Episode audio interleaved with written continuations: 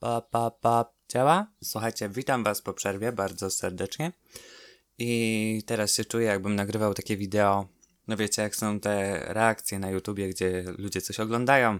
Wtedy jest wow! I tu jakaś emocja. Na przykład e, rozczarowanie. A ten dzisiejszy materiał nagrywam tak bardzo na żywo i nagle się okazało, że kobieta, o której dzisiaj będziemy rozmawiać, znaczy ja będę gadać, a wy będziecie słuchać, mieszkała kiedyś jakieś 50 km ode mnie. Takiej małej wiosce, która nazywa się Sienno w województwie kujawsko-pomorskim. Wpisujcie miasta w komentarzach. A w sumie serio moglibyście napisać skąd jesteście, bo ja wiem tylko, że z Polski. Tak mi mówi YouTube. A chętnie bym się dowiedział, gdzie mnie słuchacie i jak mnie słuchacie, bo bardzo fajnie się słyszę, jak, nie wiem, umilam wam drogę do pracy albo do szkoły. Albo na przystanek. Takie komentarze już też były. Więc dzisiaj będzie o Otyli Klimek. Zapraszam do słuchania. Głośniki na full. Jingle. Zawsze jest tak, że klikam ten czerwony guzik od nagrywania i wtedy jest w głowie taka wielka pauza, która mówi mi o tym, że hmm, może jednak nie nagrywaj. Nie nagrywaj, Marcin. Ups.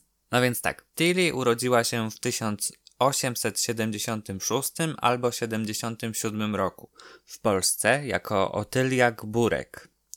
W niektórych miejscach, bo korzystam z różnych źródeł, jej zdjęcia są podpisane jako Teofila Gburek albo Teofila Klimek. Będziemy się trzymać tego, że to jest Tilly. Na stronie internetowej, na której jest jej drzewo genealogiczne, jest napisane, że urodziła się 22 października 1877 roku w miejscowości Sienno w powiecie bydgoskim, a już sześć dni później miała chrzest. Rok po urodzeniu razem z rodzicami i najbliższą rodziną wyemigrowali do Stanów. Cała ta historia nie będzie się jednak rozgrywać w Polsce, tylko w okolicach Chicago, czyli w miejscu, w którym tej naszej amerykańskiej Polonii w XX wieku osiedliło się najwięcej. Na temat jej wczesnego dzieciństwa nie ma informacji, ale wiadomo, że w wieku 13 lat po raz pierwszy wyszła za mąż. I wyobraźcie sobie, że nie zabiła go wcale tak szybko. Razem z Joe'em Mitkiewiczem, w zasadzie to Józefem, spędziła aż 24 lata. Mieszkali sobie razem w bloku i doczekali się nawet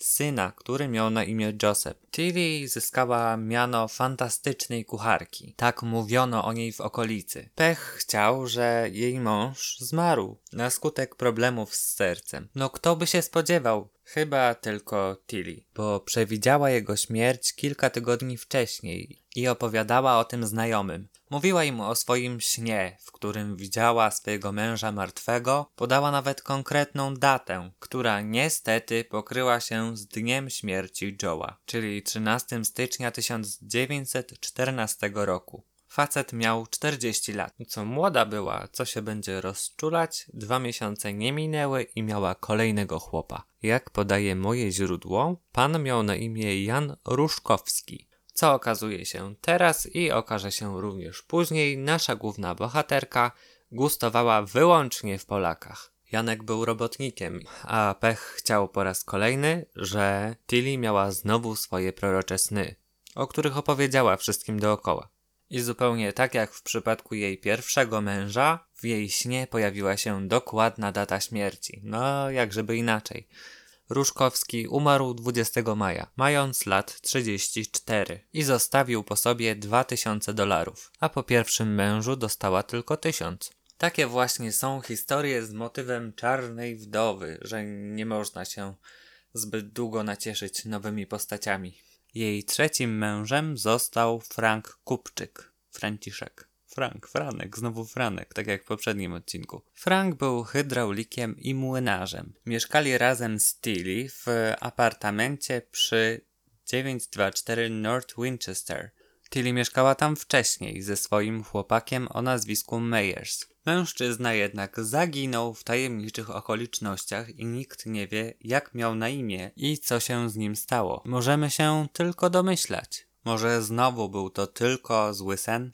Tilly mieszkała z Frankiem, ale Frank się rozchorował. Wszyscy sąsiedzi od razu wiedzieli, że Frank już długo nie pożyje. Tilly była o tym doskonale przekonana. Frank konał na łożu śmierci, a ona siedziała obok i robiła sobie kapelusz ten, który miała na zdjęciach. I mówiła mu, że niedługo będzie umierać i długo to nie potrwa. Gwoździem programu jest trzymana w piwnicy trumna, którą kupiła dla męża po okazyjnej cenie. Tylko 30 dolców. Na promocji w końcu Polka, nie? Kobieta, od której wynajmowała mieszkanie, pozwoliła jej trzymać trumnę w piwnicy. Może to był jednak gwóźdź do trumny, a nie gwóźdź programu. Sąsiedzi opowiadali, jak tuż po śmierci męża Tilly odpaliła w pokoju gramofon z taneczną muzyką. Mam takie nieodparte wrażenie, że nie będziecie mieli kompletnie żadnego problemu z tym, żeby wyobrażać sobie te wszystkie rzeczy, o których tutaj mówię. Reputacja Tilly upadła, była już trzykrotną wdową i wszyscy zaczęli się jej bać. Była potencjalnym zagrożeniem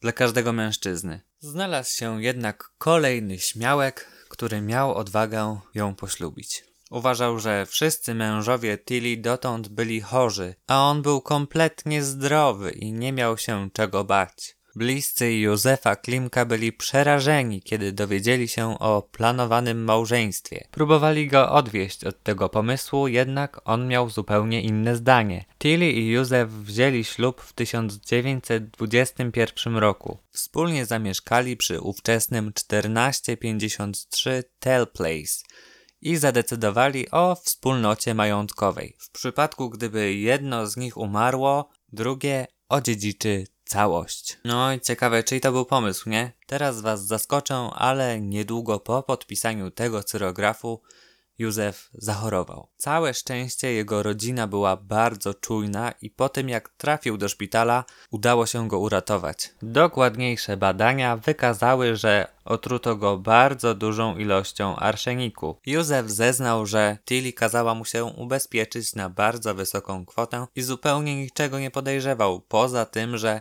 jedzenie smakowało dosyć dziwnie. Misterny plan pozbycia się Józefa legł w gruzach. Otylia nie miała wyjścia i przyznała się do próby zabicia swojego ukochanego. Chociaż po cichu miała nadzieję, że nikt nie przypomni sobie o tym, ilu miała wcześniej mężów i co z nimi zrobiła. No i klops, przypomnieli sobie. Policja postanowiła zgłębić minione 10 lat życia Tilly i ekshumować jej zmarłych mężów. W ciele każdego z nich znaleziono ogromne ilości arszeniku, które mogły posłużyć do pozbycia się większej ilości osób niż tylko trzech. Poza tym podejrzenia budziły jej proroctwa oraz to, jakie zyski finansowe czerpała ze swojej działalności. Jej schemat zabijania był identyczny w każdym przypadku. I nie chodzi tu wyłącznie o mężów. Tilly przepowiadała też przyszłość wszystkim, z którymi żyła w niezgodzie. Wszyscy ginęli po tym, jak przygotowała im coś do jedzenia. W tym samym czasie w okolicy wzrosła ilość kobiet podejrzanych o zamordowanie swoich mężów. Przy okazji odkryto wiele zgonów żonatych mężczyzn, co wskazywało na to, że Otylia Klimek nie była jedyną trucicielką w okolicy. Aresztowano więcej kobiet, które były odpowiedzialne za zamordowanie swoich mężów, a wśród chicagowskiej Polonii Tilly uchodziła za wielką kapłankę Sinobrodego. Śledztwo wykazało, że jej wspólniczką była jej kuzynka,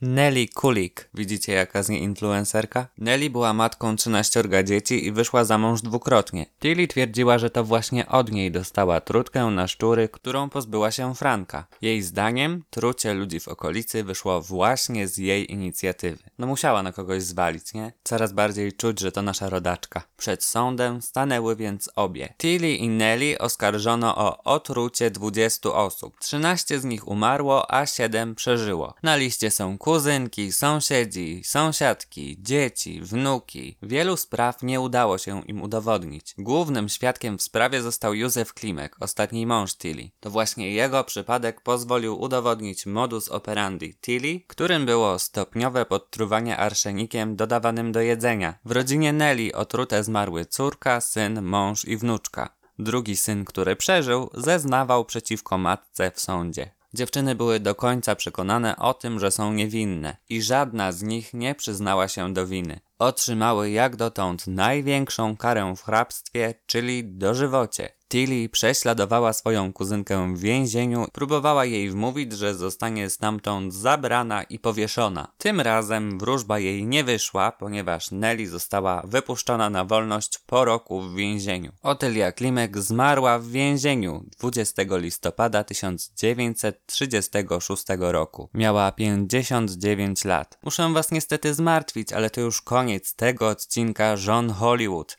znaczy mojego podcastu. Zapraszam Was do lajkowania i subskrypcji kanału. Mam nadzieję, że Wam się podobało. Do usłyszenia następnym razem. Cześć!